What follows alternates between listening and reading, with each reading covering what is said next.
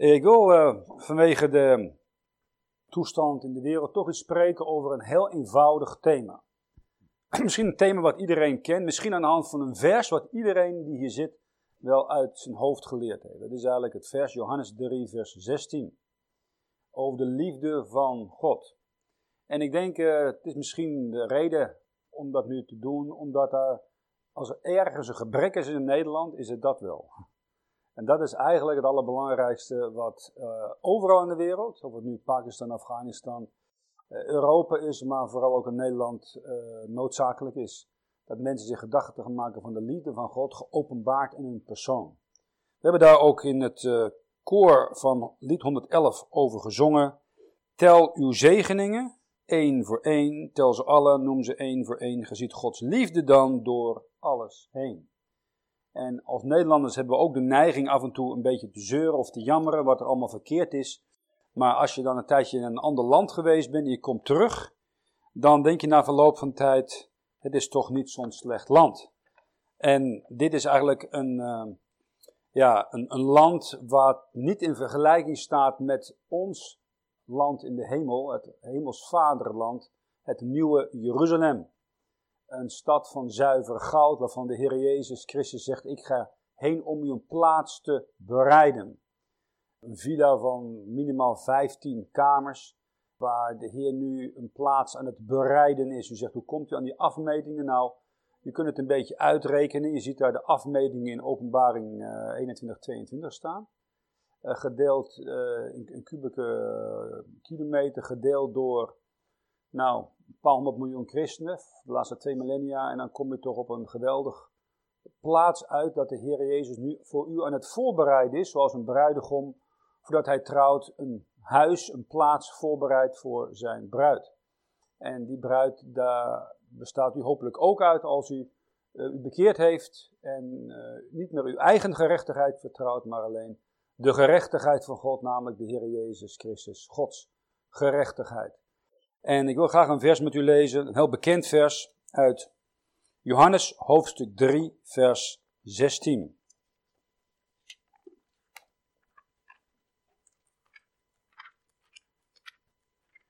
Johannes hoofdstuk 3, vers 16. Want al zo lief heeft God de wereld gehad, dat Hij zijn enig geboren zoon gegeven heeft opdat een ieder iegelijk die in hem gelooft niet verderven, maar het eeuwige leven hebben. En uh, dat is het, het, thema is eigenlijk redding of heil voor uw ziel. En dat is alleen mogelijk door de liefde van God. De God die wij dienen is een God van liefde. Hij is eerst een God van heiligheid, daar zullen we het zo nog over hebben, maar uh, daarnaast ook een God van liefde. En een liefde, die, dat is iets wat graag wil geven. Je kunt wel iets geven zonder lief te hebben, dat is heel goed mogelijk. Uh, zo maakt de overheid je een bevolking van zichzelf afhankelijk. Dat is een heel typerend marxistisch-leninistisch trucje. Uh, maar een persoon die een ander lief heeft, die wil die persoon graag iets geven. En daar willen we het over hebben. Uh, er zijn heel veel uh, eeuwige waarheden die in dit vers te vinden zijn. En als alle boeken op de aarde zijn verbrand en vergeten, dan geloof ik dat deze, dit vers nog altijd schijnt uh, onder de sterren in de hemel als een, als een vers wat de, de kern van het karakter van God openbaart. En God heeft deze, dit vers alleen gebruikt om duizenden, misschien wel, miljoenen mensen de ogen te openen uh, en uit de drek te trekken, om hun zonden te vergeven en om ze uit de duisternis te brengen in het koninkrijk van zijn zoon, in het ware, eeuwige licht. En de eerste, het eerste wat ik graag uh, hierover wil zeggen is de houding die God heeft naar deze wereld. We zien in vers 16 in het begin staan, al zo lief heeft God de wereld gehad. Heeft gehad, dat is in de verleden tijd. Het was eens dat God die wereld, dit wereldsysteem met de wereld, die daar, de mensen die erin waren geliefd gehad heeft, en dat was het bewijs, en dat hij zijn zoon heeft gegeven. Uh, op dit moment zien we niet dat God deze wereld, dit wereldsysteem lief heeft. Het systeem van deze wereld is onder de autoriteit van de God van de wereld, de duivel. En daar zijn de, het hoogwaardige leven, de lust van het vlees, de lust van de ogen. Dat zijn de richtende, de, de maatgevende krachten die dit systeem bij elkaar houden. Dus uiterlijk prachtig, cultureel, elegant. Maar in een tijd van crisis kan dit systeem alleen in stand gehouden worden, gehouden worden door gewapend geweld. En dat is het bewijs van de laatste 6000 jaar sinds Adam hier geweest. Het woord liefde wordt hier genoemd. En de eerste keer dat dat woord wordt genoemd vinden we in Genesis hoofdstuk 22, vers 2. Dat is het moment waarop God tot Abraham zegt: Neem uw zoon, Isaac, en die dient hij te offeren in het land Moria op een berg. Genesis 22, vers 2. En hij zeide, neem nu uw zoon, uw enige, die gij lief hebt, Isaac, en ga heen naar het land Moria, en offer hem al daar tot een brandoffer op een van de bergen die ik u zeggen zal. En hier zie je de eerste, het eerste punt van liefde is niet tussen een moeder en een kind, of een vader en een, eh, een, een man en een vrouw, maar tussen een vader en een zoon. En die, ene, die mensen die misschien wel een, vader kwijt, kwijtgeraakt zijn in het leven, of een zoon, dat is een heel ja, groot uh, litteken op de ziel van iedere man. En dat is een hele bijzondere relatie tussen een vader en zijn zoon als het een enig geboren zoon is. En dit was dan uh, Abrahams ja, liefdeskind, een uh, beloftekind, wat niet gezegd kan worden van zijn oudste zoon, Ismaël, maar wel van zijn jongste zoon, Isaac. Een beeld van Jezus Christus die daar 2000 jaar later in hetzelfde gebied, bij het land Moria, vrijwillig naar het kruis ging om zijn vader te verheerlijken op een kruis. Dat daar iemand een offer kon brengen wat geen ander kon brengen. Uh, omdat alle mensen van Adam tot de tweede Adam, Jezus Christus, uit de ring geslagen waren door zonde. Met uitzondering van de Heer Jezus Christus zelf. Een tijdje geleden werd er een Hollywood uh, toneelspeelster gevraagd uh, of er liefde te vinden was. Nou, zei die de persoon, in Hollywood kun je alles vinden, maar liefde kun je er niet vinden. En dat is uh, denk ik iets wat je in onze samenleving ook meer en meer ziet. De liefde in de laatste dagen zal verkoelen. De Bijbel zegt het zo in uh, 2 Timotheus hoofdstuk 3 vers 4. Dat is een beschrijving dat er in de laatste dagen ontstaan zullen zware tijden. En die mensen zijn in vers 4 van 2 Timotheus hoofdstuk 3 verraders, roekeloos, opgeblazen, meer liefhebbers der wellusten dan liefhebbers Gods. Dus de mensen houden niet meer van God, van een, een God die zich in deze, dit boek openbaart als een heilige en een, liefdevolle God. Dat wordt niet meer gezocht. Uh, men heeft een verlangen naar wellusten. Of het nou allerlei uh, seksuele, sportieve, politieke uh, ambities of, of vergenoegens zijn, dat maakt niet zoveel uit. Maar een liefde tot God wordt geopenbaard in een liefde tot de waarheid. En dit boek, zegt de schrift over zichzelf, is de waarheid. En u zegt iets over uw, uw, uw relatie tot dit boek, dat zegt iets over uw liefde tot God. Dit boek reinigen, we zullen daar nog een paar dingen later over zeggen. Een jonge man die houdt heden ten dagen van een jonge vrouw. Maar dat betekent in de praktijk vaak een, uh, een vleeselijk verlangen, wat niets van doen heeft met een, uh, liefde die volkomen op een ander gericht is. Vaak is het een vorm van egoïsme, vaak verbonden met een, een lust zonder grenzen of het uh, gebruiken van een ander misbruiken van een ander. Uh, soms zie je dat een vrouw uh, de avances van een man wederstaat en ze wordt vermoord. Uh, of deze man probeert de goede naam van die vrouw te ondergraven in een samenleving. Dat zie je vaak voorkomen. Jaren geleden was er een advocaat die werd in een stad, een bekende advocaat, en die had uh, zijn vrouw uh, neergeschoten. Gelukkig niet dodelijk. En dat was omdat ja, die vrouw hem wilde verlaten. Ze kon niet meer met hem in één huis wonen. Nou, toen heeft hij zich gewroken.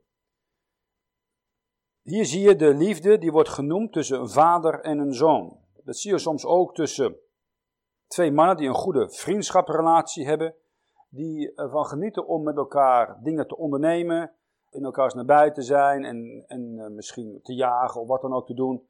En dan kan het zo zijn dat de een onbewust de ander beledigt. En dan kan er plotseling een bittere haat of een onverschilligheid ontstaan. En die ja, mensen spreken niet meer met elkaar, jarenlang. Geen liefde, doch meer op zichzelf gerichte erkenning zoeken van een ander. Dat komt meer met is een soort geest die je ziet komen uh, de laatste, nou wat zal het zijn, 70, 80 jaar die heel anders was dan voorheen.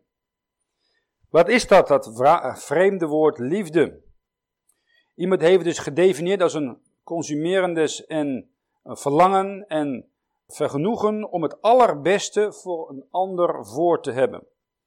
Een volkomen onzelfzuchtig verlangen om iets voor een ander te zijn of te geven. Uh, liefde verliest zich volkomen in zijn eigen interesse en heeft alleen de interesse voor ogen van die andere persoon, om die tegemoet te komen.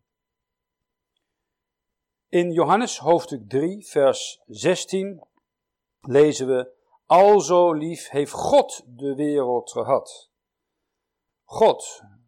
En hij heeft die liefde geopenbaard en dat hij iets heeft gegeven. Hij heeft zijn enig geboren zoon gegeven de verzorger is belangrijker dan wat hij geeft. Vaak, je kent dat misschien wel, je komt als vader terug van een reis uit het buitenland en je kinderen wachten. En dan zeggen ze, hallo, leuk je er bent. En dan, ze zeggen het niet, maar dan zeggen ze, wat heb je meegenomen? Want ze willen cadeautjes hebben, niet waar? Uh, dat is het belangrijkste. En, uh, na, na, verloop van tijd, dan merk je, als je wat ouder wordt, ja, het cadeau is wel aardig, maar het is nog belangrijker dat je vader weer heel houds teruggekomen is.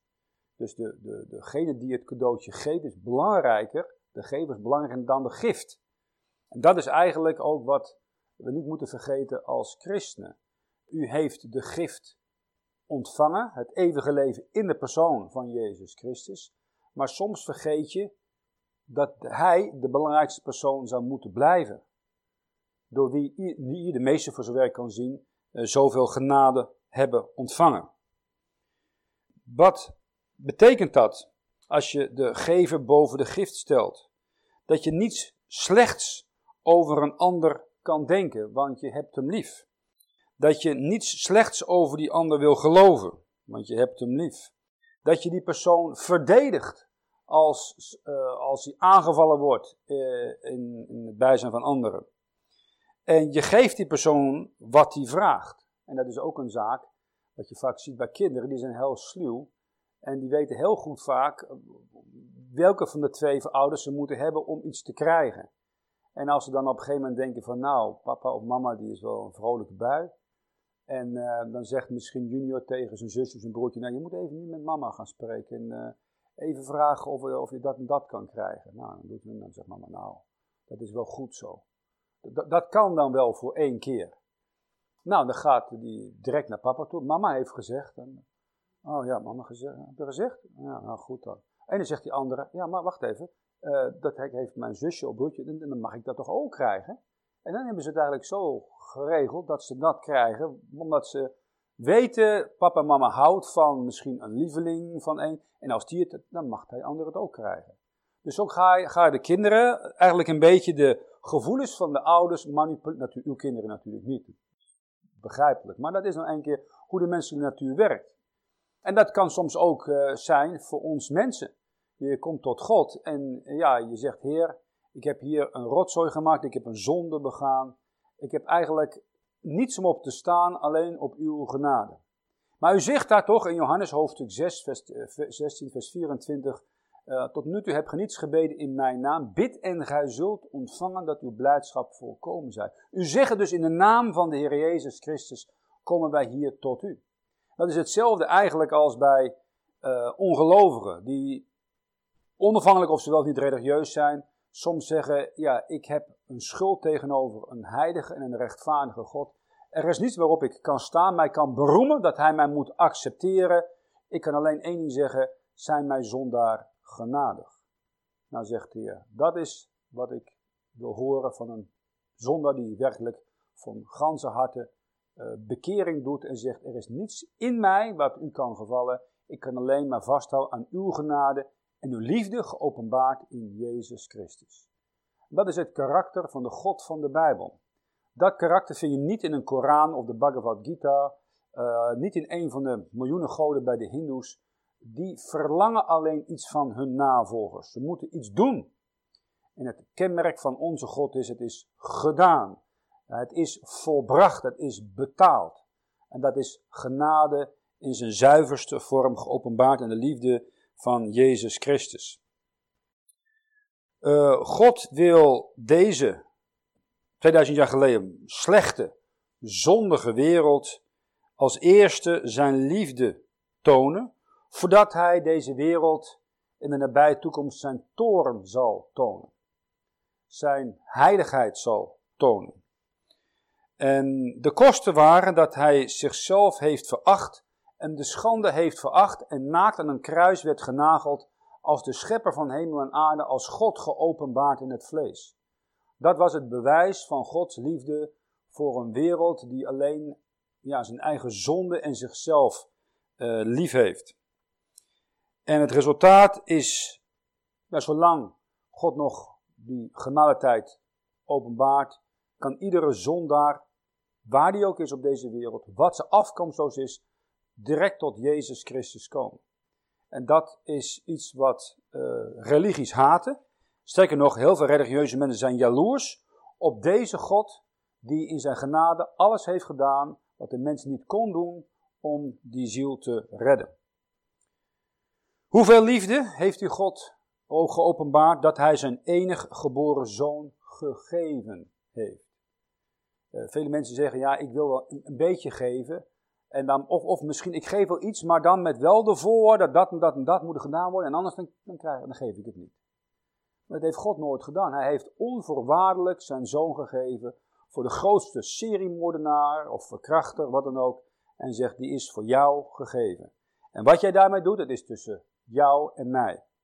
En vele mensen zeggen van, ja, jij dringt mij je geloof op. Dan zeg ik altijd van, nou, als je een Nederlander bent met een beetje opleiding, ik heb er niets mee van doen. Ik heb je als ambassadeur die de levende God vertegenwoordigt, laten zien wat de Heer Jezus voor jou gedaan heeft. Nu het tussen jou en die, deze levende God. je moet het tussen hem en jou maar uitmaken hoe jij die zondevergeving mag ontvangen. Velen zeggen dan van, ah, maar er zijn zoveel moeilijkheden in de Bijbel. Ik, ik begrijp ook die taal niet. Die staatentaal is trouwens zo uh, veel te veel oud. Ik begrijp het allemaal niet. Um, nee, het is vaak het probleem dat het te goed wordt begrepen. Dit vers is het allermoeilijkste om te geloven. Ik heb het wel heel veel Nederlanders gehoord. Dit vers, Johannes 3, vers 16. En weet u waarom het voor heel veel Nederlanders zo moeilijk is om te geloven? Omdat de natuurlijke neiging van de Nederlander is zichzelf te rechtvaardigen. Ja, maar ja, zo slecht ben ik ook niet dat ik alleen maar hoef te geloven. Ik ben toch niet zo zo'n zonde als, als hij of zij. Ik ben op straat gehad, dan preek je het evangelie. En zie je dat die jonge mannen die, die, die moslim luisteren en dan zeggen ze van, eh, oh ja, het is alleen maar genade. Dat is wel goedkoop, hè? Zeg, nou, het is niet goedkoop, het heeft God zijn zoon gekost. Oh, ja. ja. nou, ja, ik vind het wel interessant, maar uh, het is niet voor mij. Maar, maar, maar hij, hij, mijn vriend, hij is, hij is slecht, hij is een zondaar, hij vindt echt, je moet, je moet hem, uh, nee, ik moet jou hebben. Ja, ik moet nou gaan. dus uh, dan zie je altijd van die, de oude mens heeft altijd een uitweg, zoekt een uitweg om maar niet ja, zelf te zien dat de Heer Jezus voor zijn persoonlijke zonde van het kruis gegaan is. We waren een tijdje, na twintig jaar geleden, in Oostenrijk, in een stadje met name Veldkirch. En uh, we waren daar aan het preken. dat was een typische, een beetje een politiestaat Oostenrijk. En uh, daar komt Hitler ook vandaan. Dus die politie zei, nou, je kunt dat wel preken, maar het moet tegenover het politiestation zijn. En dan moeten we precies kunnen zien wat jullie doen. Zei, nou, dat is goed. Dus wij preken daar in dat raam. Het raam stond open. We hebben het even, even prachtig in het politiebureau kunnen preken. In ieder geval, we hadden daar zo'n banier staan. Natuurlijk hebben we ook zo'n banier. En daar um, met het oordeel van de grote witte troon, jongste oordeel. En uh, op een gegeven moment, ik was daar aan het preken, en er komt een vrouw staan, is wel een jaar of dertig denk ik, met een klein meisje van een jaar of vier, vijf. En die blijft daar zo staan, gebiologeerd door het beeld, en ze luistert naar de prediking. Nou, ze krijgt een traktaatje aangeboden van een van de mensen bij ons. En uh, ze blijft uh, staan, de meeste lopen door. En toen ik klaar ben, ging ik naar haar toe en zei, nou mevrouw, heeft u, begrijpt u wat dat, wat dat betekent, deze prediking en die banier waar een zondaar staat uh, voor een troon, waar de boeken worden geopend en daar staan allerlei zonden in. En uiteindelijk op de andere pagina staat Gods enige geboren zoon afgewezen. Nou zei ze, ik, ja dat zijn al die zonden. Hoerarij, is dat ook een zonde? Ik zei, ja, dat is ook een zonde. Dan zegt ze, maar ik ben een hoer. En is mijn, zo verdien ik mijn onderhoud voor mijn uh, dochter. Is er hoop voor mij? Ik zeg, er is heel veel hoop voor u. Waarom zegt ze dan? Nou, de Heer Jezus is gekomen om zondaars te redden. Niet de zichzelf rechtvaardigende mensen, zondaars te redden. Ik zeg, werkelijk? Is er iemand die van mij houdt? Ik zeg, nou, God heeft zijn zoon voor u gegeven. Is bewijs van zijn liefde voor u. Mag ik u eens vertellen wat, waarom hij dat gedaan heeft? Nou, graag, zegt ze. Dus we hebben ons op een bankje gezet en ik heb het evangelie aan de hand van Johannes 3, vers 16 zijn we ermee begonnen. Dat de Heer Jezus gestorven is voor haar persoonlijke zonde. Ja, ja, ja, ze had veel zonden gedaan. Zei, nou, wilt u zich daarvan uh, bekeren en vooral erkennen dat niet uw eigen rechtvaardigheid voldoende is, maar alleen de Heer Jezus, Gods gerechtigheid voldoende is. natuurlijk zegt ze, wat, wat, moet ik doen? U moet niet zo hoeft alleen de Heer Jezus door geloof aan te nemen als uw verlosser door geloof. Graag, zegt ze. En ze is daar tot nieuwe geboorte gekomen. Haar, dochtertje was wat te jong, maar die heeft het een beetje bekeken. We hebben er een Bijbel gegeven. En daarna is ze bij haar beroep weggekomen. Uh, en ze, had tranen in de ogen, want ze had de liefde van God mogen ervaren in Jezus Christus. En uiteindelijk in asiel iemand kwam die haar volkomen uh, lief had en ook haar zonde volkomen wegnam. Prachtig om te zien. We waren in uh, Ierland afgelopen, wat was het, juli. En uh, er was een, dame en die, uh, die zei, ik ben gedurig depressief. En die Ieren zijn allemaal depressief, want ze zuipen zich helemaal de ronde. Nederlanders kunnen drinken. Nou, in Ierland heb je, in Amerika heb je elke, een, op elke hoek een kerk en daar heb je op elke hoek een bar of een pub of een café. En uh, dus op een gegeven moment stonden we daar op straat en er was zo'n vrouw, een Ierse vrouw, en uh, zei, nou ja, ik ben heel depressief, dit en dit. Zei, maar dat is een gevolg van zonde. Oh, ja. Nou, hoe, kunt u die zonde, hoe kan ik die zonde dan kwijtraken? Nou, door Jezus Christus. Ja, die, ik had de kerk. Zei, nee, maar dat is niet dezelfde Jezus. Die, is, die, die moet u opeten elke zondag door een stukje brood te nemen. Maar deze Jezus Christus, die kunt u door geloof aannemen, die blijft in u door zijn geest. Oh, hoe gaat dat dan? We mochten er tot de Heer Jezus leiden en toen hebben we gebeden en ik ben nog goed. Eh, toen heeft ze de Heer Jezus persoonlijk aangenomen, uh, de gave van God ontvangen. Want liefde, ware liefde, kun je niet verdienen, die kun je alleen maar ontvangen. En toen had ze de Heer Jezus ontvangen en toen, ben nog goed, ze doet de ogen open. Je kijkt zo. En op een gegeven moment begint ze te huilen van, van vreugde. En, uh, en op een gegeven moment zegt ze, ah, zegt ze, ik voel me zo, ja, zo gelukkig. Dat heb ik nog nooit meegemaakt. Nee, maar dat is de Heer Jezus die in u gekomen, in uw lichaam, is een tempel van de Heilige Geest. Oh ja, en toch begon ze nog meer te huilen. Maar dat was een, mooi, dat was een hele mooi uh, voorbeeld, want de Heer Jezus zegt, uh, er zijn engelen in de hemel die, die juichen als er één zonde tot bekeren komt. En ehm, als je ziet hoe een, een, een ziel die jarenlang eigenlijk eh, in de, door de ketten van de zonde en, uh, vastgehouden is en door artsen vol met medicatie gestopt is, waar ze een hele maag kapot van gaat en gezond kapot van gaat. En uiteindelijk komen ze dan, als ze zijn in, in een ja, hopeloze toestand tot de levende God, als, als laatste, dan zeggen ze, eindelijk ben ik thuis gekomen. Eindelijk heb ik vrede met God gekregen door geloof aan Jezus Christus. Uh, God houdt niet van dit wereldsysteem. Uh, van hoer tot moordenaar, van paap tot miljardair en miljardair. Ieder heeft een verlosser nodig. Ieder heeft de verlosser nodig, Jezus Christus. En als er heden ten dagen in, ik denk afgelopen nacht, mensen in Apeldoorn zijn gestorven, dan, ja, wij denken nou, nou, dat is een overlijdensadvertentie, maar voor God betekent dat het wat. Daarvoor heeft Hij zijn zoon gegeven. En is een teleurstelling, vermoed ik, voor de levende God, als er iemand ziet die sterft zonder Jezus Christus, ja, daar is de Heer Jezus ook, voor hem gestorven. Die ziel gaat dan verloren. Of, zoals we lezen hier, verderft. Hij gaat niet verloren in de zin dat hij ophoudt te bestaan, maar ja, zijn ziel die gaat naar een plaats waar die niet hoort. De ziel van de mens hoort in het paradijs te zijn, dat, was het uh, mee begonnen met Adam. En het paradijs is nu in de derde hemel, een plaats waar de levende God woont, waar geen zonde, geen traan en geen dood is. Daar hoort een ziel thuis. En als iemand nu tot geloof komt aan Jezus Christus, dan merkt hij een, een vrede, een vreugde, een, een, kracht, een liefde en dan zegt hij, ja, ik, ik heb die relatie die Adam verloren heeft weer terug mogen ontvangen door gelovende tweede op de laatste Adam, Jezus Christus. Nu, je kunt die liefde van God alleen ontmoeten bij het kruis. In 1 Johannes hoofdstuk 5, vers 19 lezen we, wij weten dat wij uit God zijn en dat de gehele wereld ligt in het boze.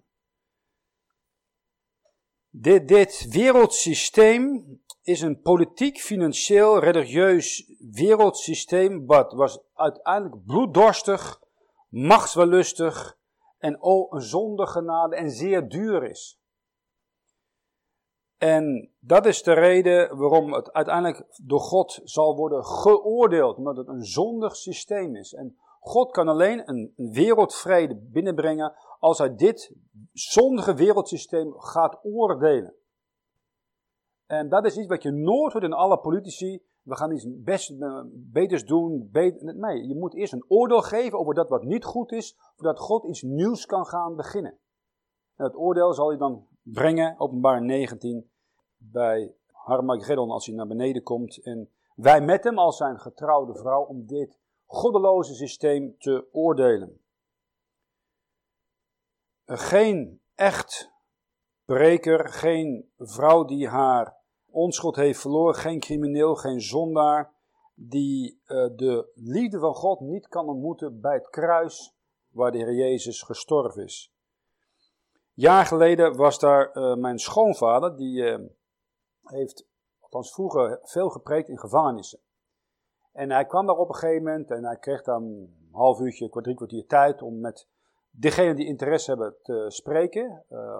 Mensen die een behoorlijk aantal jaren gevangenisstraf hadden. En uh, hij, uh, hij sprak dan met een man in de gevangenis en de buurman die was wel geïnteresseerd. Dus die luisterde een beetje mee. Maar hij deed alsof hij er niks van wilde weten. En uh, toen op een gegeven moment die man in de gevangenis tot geloof kwam en mijn schoonvader kon hem tot de Heer leiden, toen begon die andere daar te zeggen, ah, rotzooi, allemaal onzin en zo, uh, gelooft die onzin niet en zo ging het allemaal door. En uh, op een gegeven moment probeerde die andere man, mijn schoonvader, ook aan te vallen door de tralies heen. Hij was vol met woede en haat. Ja, mijn schoonvader zei, nou ja, ik bid voor je en zo, ik hoef je gebeden niet. En zo ging dat maar een paar weken door. Hij kwam dan terug om die ene gevangene een beetje nazorg te geven. De andere die was als een wild dier achter die tralies.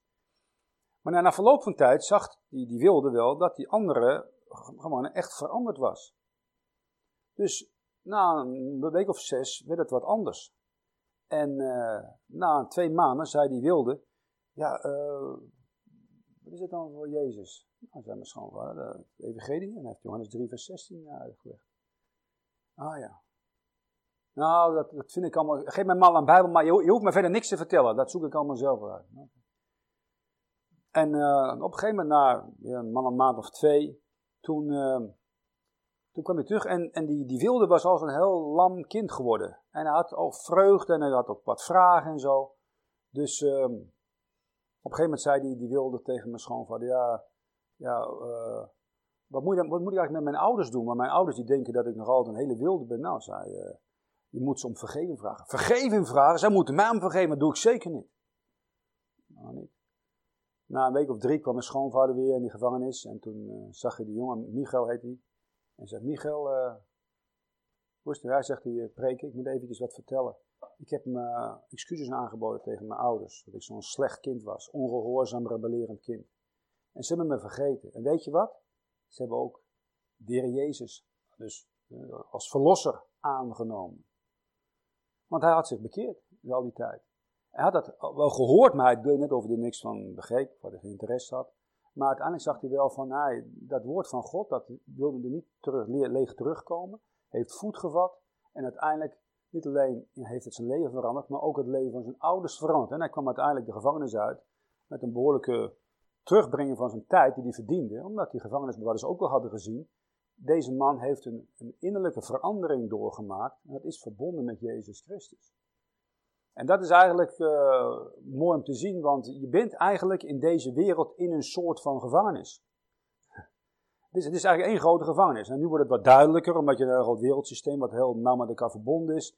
Via transport en communicatie, wat 50, 100 jaar geleden veel minder was. Maar uh, je komt er eigenlijk niet uit. Het is een, een, een, goddeloze wereld, waar de God van deze wereld het zeggen heeft. Waar de bedrog gedurig is in de financiële, in de religieuze, in de economische wereld.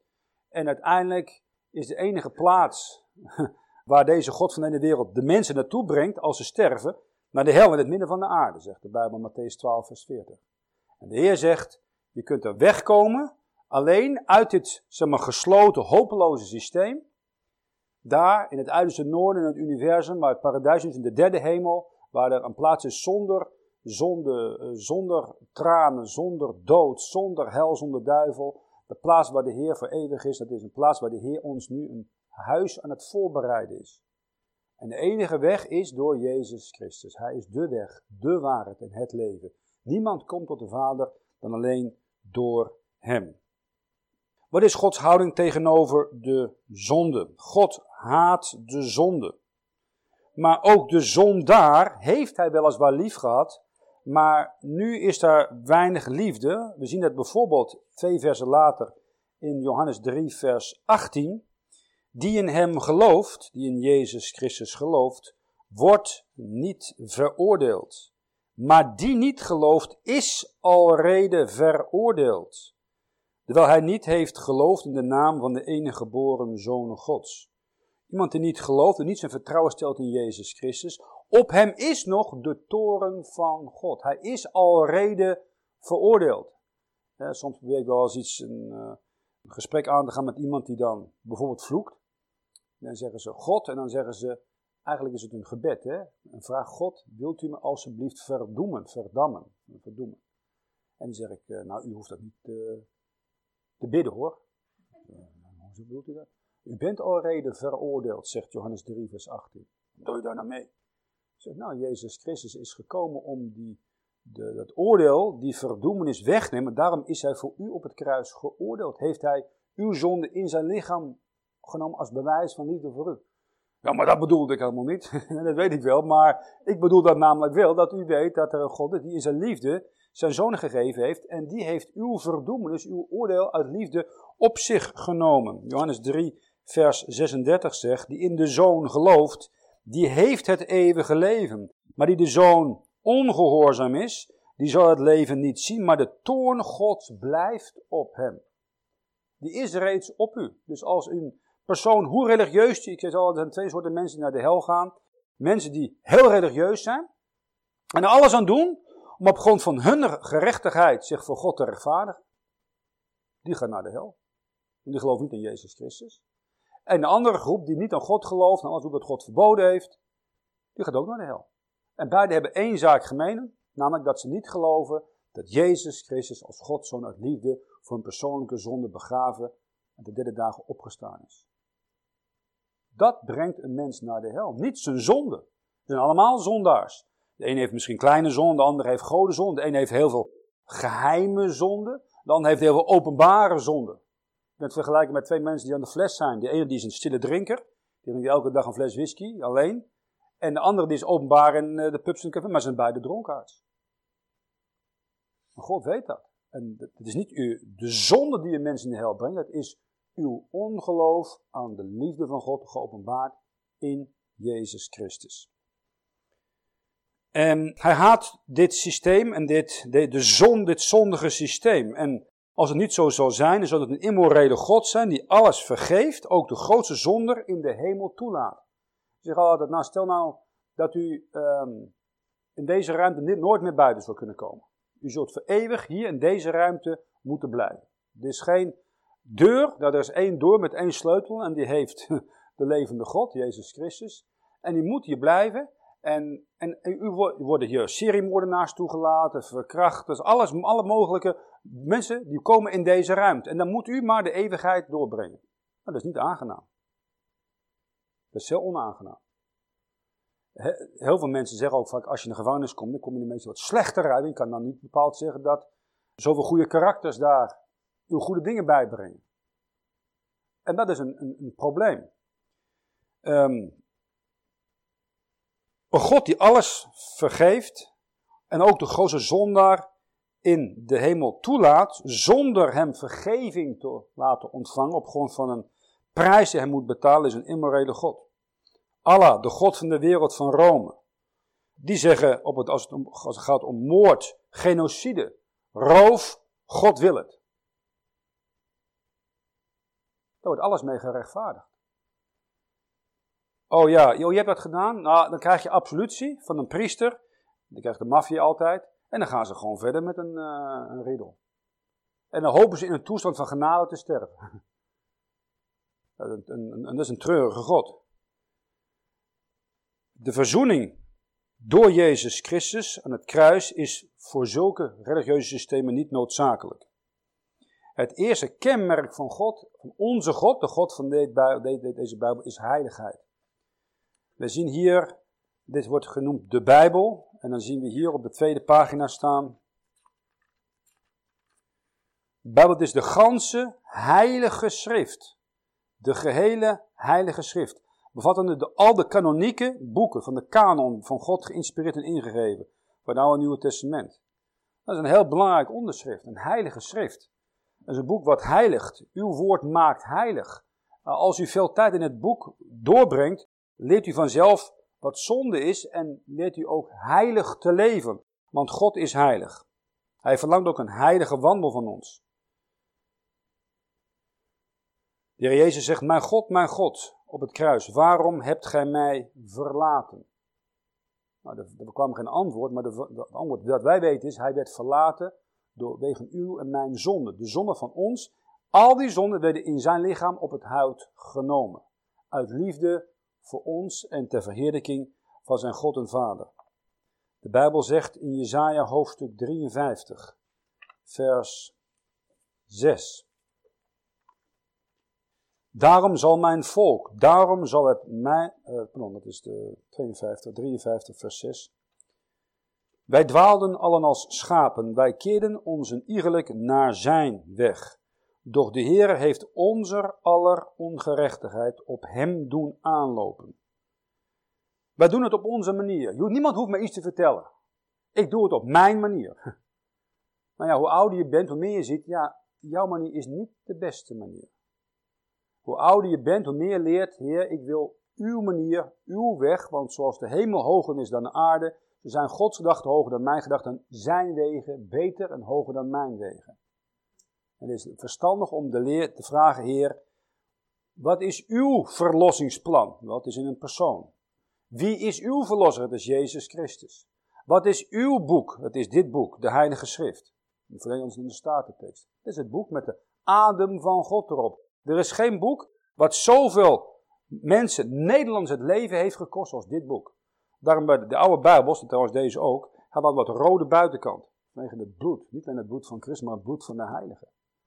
Geen enkele nieuwe Bijbel heeft één Nederlander het leven gekost.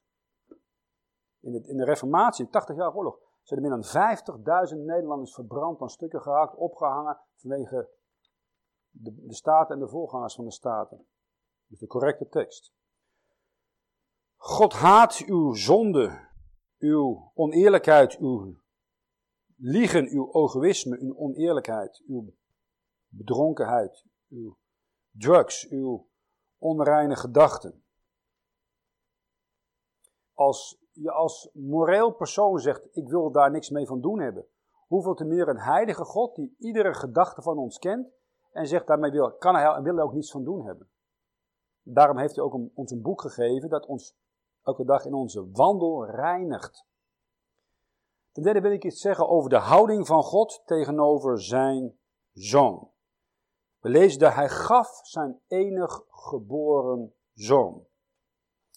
Hij heeft zichzelf voor ons gegeven, Efeze 5, vers 25. En God had slechts één, enig geboren zoon. Allah heeft geen zoon. Allah is, zijn eigen naam is Sin, S-I-N, dat is de maangod uit eh, Ur der Galdeeën, de stadgod waar Abraham moest weg, wegtrekken. En hij is niet dezelfde als onze God, hij heeft namelijk geen zoon. Elke moslim zegt het ook. Het object van Gods liefde in de eeuwigheid is de Heer Jezus Christus. Hij is de uitverkorene. Nou, als je zegt, ik wil graag uitverkoren zijn, en sommigen hebben misschien een wat uh, Calvinistische, gereformeerde, hervormde achtergrond. Wat moet je doen? Het is eenvoudig. Zorgen dat je in die uitverkorene, in Jezus Christus komt. Hoe kom je in Hem? Door Hem als je persoonlijke verlosser aan te nemen, door geloof alleen. Dan ben je in Hem, in de uitverkorene. Een vader, normaal, houdt van zijn zoon. En we lezen in de Leidenspsalm 69, vers 21. De versmaadheid heeft mijn hart gebroken en ik ben zeer zwak. En ik heb gewacht naar medelijden, maar er is geen. En naar vertroosters, maar heb ze niet gevonden. En dat is dat wat de Heer Jezus doormaakte. Hij zocht een vertrooster en medelijden, hij kreeg het niet. Dat is wat een mens in de hel te verwachten heeft. Er is geen troost, er is geen medelijden. Er is ook geen liefde te vinden. Er is niet maar een, een klein kind. Een van de mooiste dingen is een klein kind op aarde. Hè, dat uh, lacht en dat geluidjes maakt en zo. Maar er zijn geen baby's of kleine kinderen in de hel. Die zijn allemaal in de hemel. Niet dat ze allemaal gelovig geworden zijn, maar de Bijbel zegt, zonde wordt hun niet toegerekend. Ze kennen de wet niet. Dus die, die gaan direct naar de, naar de hemel. Een treurige toestand. Mensen die zonder medelijden, zonder troost, in uiterste duisternis de versmaadheid moeten dragen voor eeuwig. Omdat ze Gods enige geboren zoon bewust in ongeloof hebben afgewezen. De schande, de schaamte, de openbare vernedering, het fysieke, de fysieke folter, op een heilige, reine, moraal voorkomende mens die ooit geleefd heeft, Jezus Christus. U zegt, ja, hoe weet je dat hij de enige is geweest die voor perfect, volkomen moreel, heilig heeft geleefd? Nooit één zonde begaan heeft. Dat is eenvoudig. Romeinen hoofdstuk 1, vers 4. Er is iets gebeurd in de tijd en de geschiedenis dat bewezen dat hij inderdaad zonder enige zonde heeft geleefd. Romeinen 1 vers 4, die krachtiglijk bewezen is te zijn de zonen Gods naar de geest der heiligmaking uit de opstanding der doden, namelijk Jezus Christus onze Heer. Hij is bewezen, hij heeft bewezen Gods zoon te zijn. Hij heeft bewezen door die opstanding dat, zijn vader niet Jozef was, maar dat zijn ware vader God was. Hij heeft macht over de dood. Het loon van de zonde is de dood. Dus iemand die nooit gezondigd heeft, zal onsterfelijk zijn. Zal niet gebonden zijn aan de macht van de dood. Dat is alleen Jezus Christus. Wat hindert u om tot redding te komen? Meestal is het slechts één punt: oneerlijk te zijn. Een oneerlijk persoon, vaak gezien, die komt niet tot geloof aan Jezus Christus. Je hebt natuurlijk heel veel oneerlijke personen en de reden is heel eenvoudig: ze houden van de zonde. Dus we verzinnen tegenwoordig allerlei, vooral op scholen, uitvluchten, alibis, intellectuele alibis, om in zonde uh, door te gaan. Ja, maar de evolutietheorie heeft toch bewezen dat, dat er geen God is. Dat we niet uh, dat we van, van, van dieren komen en niet dat God de mens gemaakt heeft. Einstein heeft toch bewezen dat alles relatief is. Als alles relatief is, is ook God relatief. Is jouw God net zo goed als mijn God? Dat is wat je op de scholen leert. Maar het blijft een feit, zoals de mens gezet is, één keer te sterven, daarna het oordeel. Je moet sterven. Waarom? Omdat je je hele leven lang gezondigd hebt. Nou, hoe ga je met die zonde om? We hebben de psychiater, psychologen, psychiaters ook zijn tijdens de COVID, die zijn helemaal volgeboekt. De mensen zijn ziek in hun ziel. Wat is de oplossing, Jezus Christus? De liefde van God in een persoon, Jezus Christus. Geen religie, geen setje van regels of wetten. Een persoon die alles voor u heeft gedaan. Het probleem is nooit intellectueel, het probleem is moreel. Je hart, uw hart, kan vol zijn van ondankbaarheid, van trots.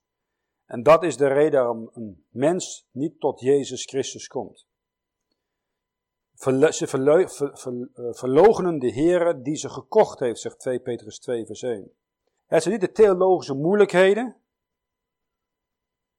De enige zonde die God nooit kan vergeten, is niet een een of ander theologisch probleem of een intellectueel alibi. Is verweigeren te geloven aan Gods enige geboren Zoon, Jezus Christus. De Heer zegt, dit is mijn zoon, mijn geliefde, in hem heb ik mijn welbehagen. Als u hem afweest, heeft, God geen welbehagen in u. Als u hem aanneemt, dan bent u aangenaam gemaakt in de geliefde. Dat is wat ieder mens zoekt, aangenaam gemaakt te worden. In Efeze hoofdstuk 1, vers 6 lezen we tot prijs de heerlijkheid zijner genade, door welke, dat is door Jezus Christus, Hij ons begenadigd heeft in de geliefde. We zijn begenadigd, hebben genade ontvangen, iets wat je nooit kunt verdienen, maar alleen kunt ontvangen. Gods houding tegenover de gelovigen, wel, is heel eenvoudig. Als je in Jezus Christus bent, ben je in de geliefde. Ben je volkomen begenadigd en heb je het eeuwige leven ontvangen. De enige voorwaarde is geloof. Vers 18. Die in hem gelooft, wordt niet veroordeeld. Die gelooft, heeft het eeuwige leven. Het kan eigenlijk niet eenvoudiger zijn. Maar ja, wij Nederlanders zijn zo zelfrechtvaardigend dat we denken, ja, maar En dan kom je bij allerlei dingen, uitverkiezingstoestanden. Je moet bewijzen dat je tot de uitverkorenen behoort. Je kunt toch niet eenvoudig hem aan. Je moet eerst al je zonden bekennen. Je moet hem meteen als Heer over je even accepteren. De Nederlander is heel goed om het zo moeilijk mogelijk te maken. Wat hij van nature met de Duitsers, na de Joden, ik denk een van de meest zichzelf rechtvaardigende creaturen is op deze planeet. En wat je dient is te doen, is heel eenvoudig te zeggen: Ik heb gewoon verzaakt. En er is niets wat ik kan doen om uh, Gods genade te verdienen, alleen neer te knieën en zeggen, Heer Jezus Christus, ik wil u alleen vertrouwen voor de vergeving van mijn zonden. Niets meer en niets minder. Wat is het eeuwige leven? Het begint, zoals de Heer Jezus zegt in Johannes hoofdstuk 17, vers 3. Dit is het eeuwige leven, dat zij u kennen, de enige waarachtige God en Jezus Christus die gij gezonden hebt. Het is nu een leven met de levende God, wandelen met God. Van moment tot moment, in je huwelijk, in de opvoeding van je kinderen, in je werk, in je studie. Je gaat daarin met de Heer. En het tweede, betreffende de toekomst. Een plaats die de Heer ons voorbereid heeft, waarbij voor eeuwig gelukkig met hem mogen leven. Een van die mooie die Walt Disney verhalen, wel de, de, de bruidegom die, uh, of de prins op het witte paard, die slaat de draak, redt op het laatste moment de schone maagd en ze leven voor eeuwig gelukkig in een prachtig paleis. Ja, nou dat is, hebben ze gestolen uit openbaring hoofdstuk 19, 20 en 21. We moeten maar even de rechter van gaan opeisen. Kunnen we een paar zendelingen ondersteunen. Want dat komt allemaal uit de Bijbel. Daar is de, de held op het witte paard, die uit de hemel komt, openbaring hoofdstuk 19. En hij strijdt voor zijn vrouw, die door een grote draak, openbaring hoofdstuk 12, wordt vervolgd. Hij verslaat de draak, slaat hem de kop af.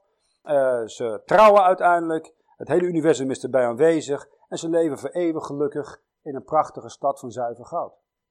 Nou, dat is het eeuwige leven voor ons in de toekomst. Dat is de eeuwige blik die we nodig hebben. Het loon van de zonde is de dood. Loon is iets wat u verdient of wat u uitgekeerd krijgt na een week of een maand werken. Dan moet de werkgever u een bepaald loon uitbetalen. Nou, het loon van de zonde, waar wij ons hele leven lang voor gewerkt hebben, is de dood. De fysieke dood en ook het geestelijk dood zijn. We hebben een geweldige hoeveelheid aan psychiaters, psychologen, religies en dergelijke. Maar die kunnen het probleem van de dood niet oplossen. Je kunt misschien leren daarmee om te gaan, daarmee te leven. Maar een mens wil, wat wil die? Eeuwig leven. De hele alchemistische idee was, hoe kun je het eeuwige leven vinden? Nou, het is te vinden in Jezus Christus. Heel eenvoudig. En je hoeft niet naar een kerk te gaan, hij is precies bij je.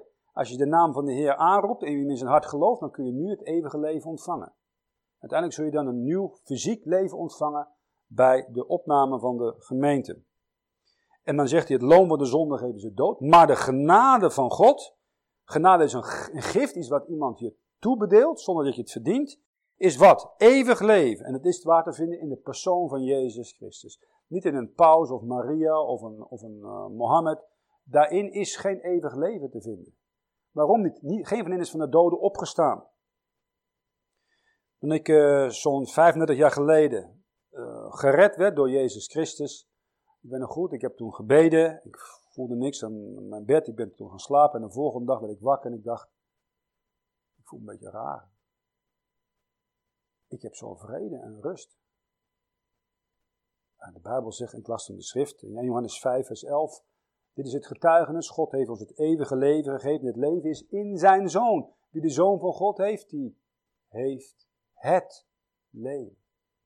Ik heb het leven. Ik heb eeuwig leven. Fantastisch. Je moet ervoor werken, je mag het nooit zeggen, je mag er ooit op hopen. Ik heb het. Een geweldig. Uh, wat was een echt een openbaring voor mij. Dat betekent in de praktijk, en Johannes 4 zegt, elkaar lief hebben, zoals de Heer Jezus ons heeft lief gehad. En heel moeilijk soms, om die eerste liefde niet te verliezen. Dat is niet zo makkelijk. Er zijn zoveel dingen die onze aandacht opeisen en je eigen vlees dat altijd iets wil doen wat tegen de zaak van de Heer gaat, dat je die eerste liefde een beetje kunt verliezen. En dat is een, een waarschuwing die de Heer uh, geeft, de eerste liefde niet te verlaten. Nou, uiteindelijk wil ik nog zeggen, de houding van God tot alle ongelovigen. Nou, hij zegt daarover in Johannes 3, vers 16, al zo lief heeft God de wereld gehad, dat hij zijn enig geboren zoon gegeven heeft, wat een iegelijk die in hem gelooft niet verderven, maar het eeuwige leven hebben. Dus zij die niet geloven, die verderven. Die gaan ter verderven. Dus die zijn aan die brede weg, met die wijde, de, uh, wijde poort. En die doen wat ze willen. Die zijn misschien heel religieus, of ze trekken zich van niets iets wat aan. Maar ze gaan naar een eeuwig verderf. En uiteindelijk, als hun lichaam sterft, zal die ziel naar een plaats gaan, de hel. Het is niet alleen scheiding van God, zoals de Paus en Billy Graham zeggen. Het is een plaats van vuur, een plaats van ellende, een plaats van pijn, een plaats van herinnering en een plaats waar je zegt, had ik maar ooit geluisterd naar die straatpredik. Had ik maar geluisterd naar die vriend die mij het evangelie of een, of een, heeft gegeven, maar ik dacht, ach morgen, het komt nog, ik heb nog tijd genoeg.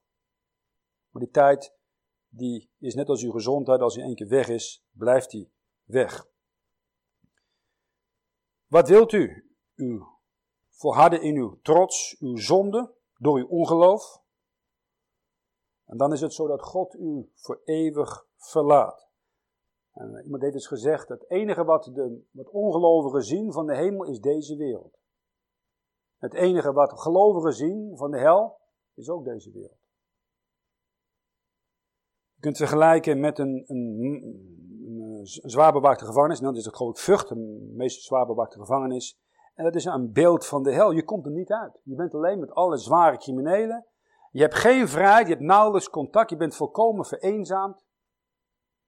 Het enige wat er nog niet is, is een vuur wat veel heter is dan 100 graden.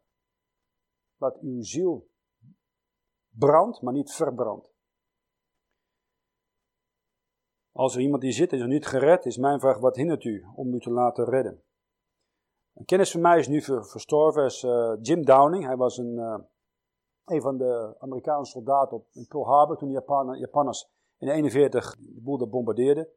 En hij heeft toen heel veel, heeft gewoon, even kijken, zo'n zo'n 15, 20, 20 jaar heeft hij op schepen rondgevaren als christen. Hij was uh, officier, marineofficier.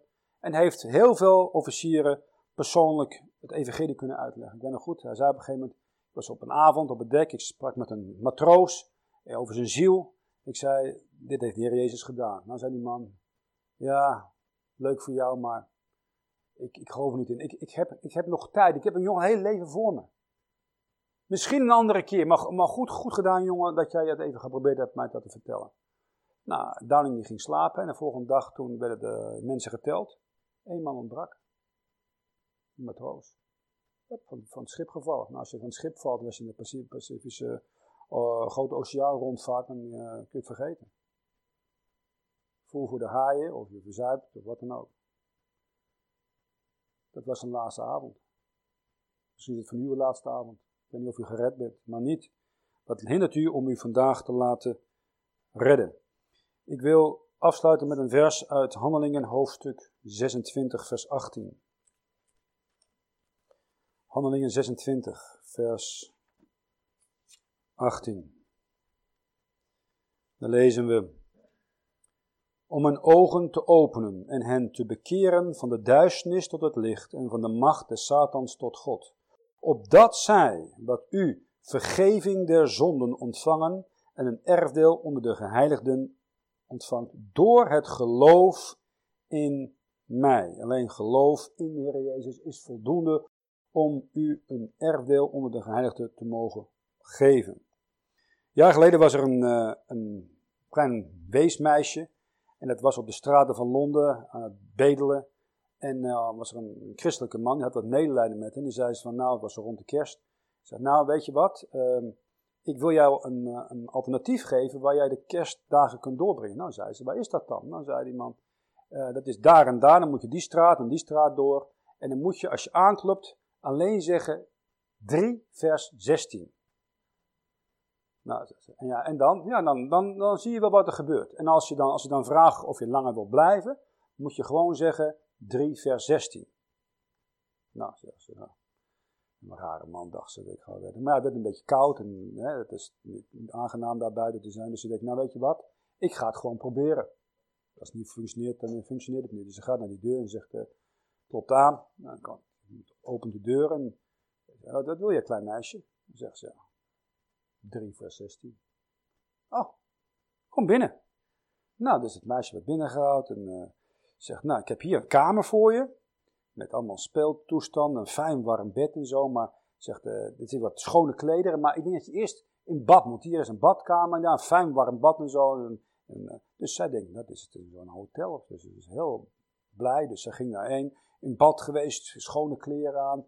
En uh, s'avonds was er nog een, een soort kerstidee waar ze geschenken kregen. En dat, dat kon ze dan. De volgende ochtend was er ontbijt. Ze dacht, nou, dit is helemaal op aarde. Ze was er een paar dagen. En op een gegeven moment zeggen die mensen, ja, hoe lang wil je eigenlijk blijven hier? 3 vers 16. Oh, geen probleem. Dus ze kon daar langer blijven. Dus na verloop van tijd is ze gaan informeren en zei, ja, 3 vers 16? Wat is dat dan? Nou ja, je kunt wel raden. Daar werd hier Johannes 3, vers 16 uitgelegd. Dat meisje had geen, kon niet lezen, kon niet schrijven. Maar ja, ze kon wel iets doen. Ze wist ten eerste dat ze helemaal geen recht had op deze behandeling. Zodat het niet verdient. En dat 3 vers 16 verbond ze met Jezus Christus, Gods enige geboren zoon. En ze dacht, ja, dat 3 vers 16 is verantwoordelijk voor deze ja, prachtige, beste tijd in mijn leven. Maar ja, er is nog iets wat ontbreekt. En ja, dat was Jezus Christus. Dus toen zij uiteindelijk dat een beetje uitgelegd kreeg, toen heeft ze heel snel de connectie gemaakt. Ja, die Jezus Christus, die heeft iets veel beters voor mij. Niet alleen iets fysieks, maar ook iets geestelijks, want dat heb ik namelijk niet. Daarna kwam daar een, dame die wilde die zulke weeskinderen adopteren.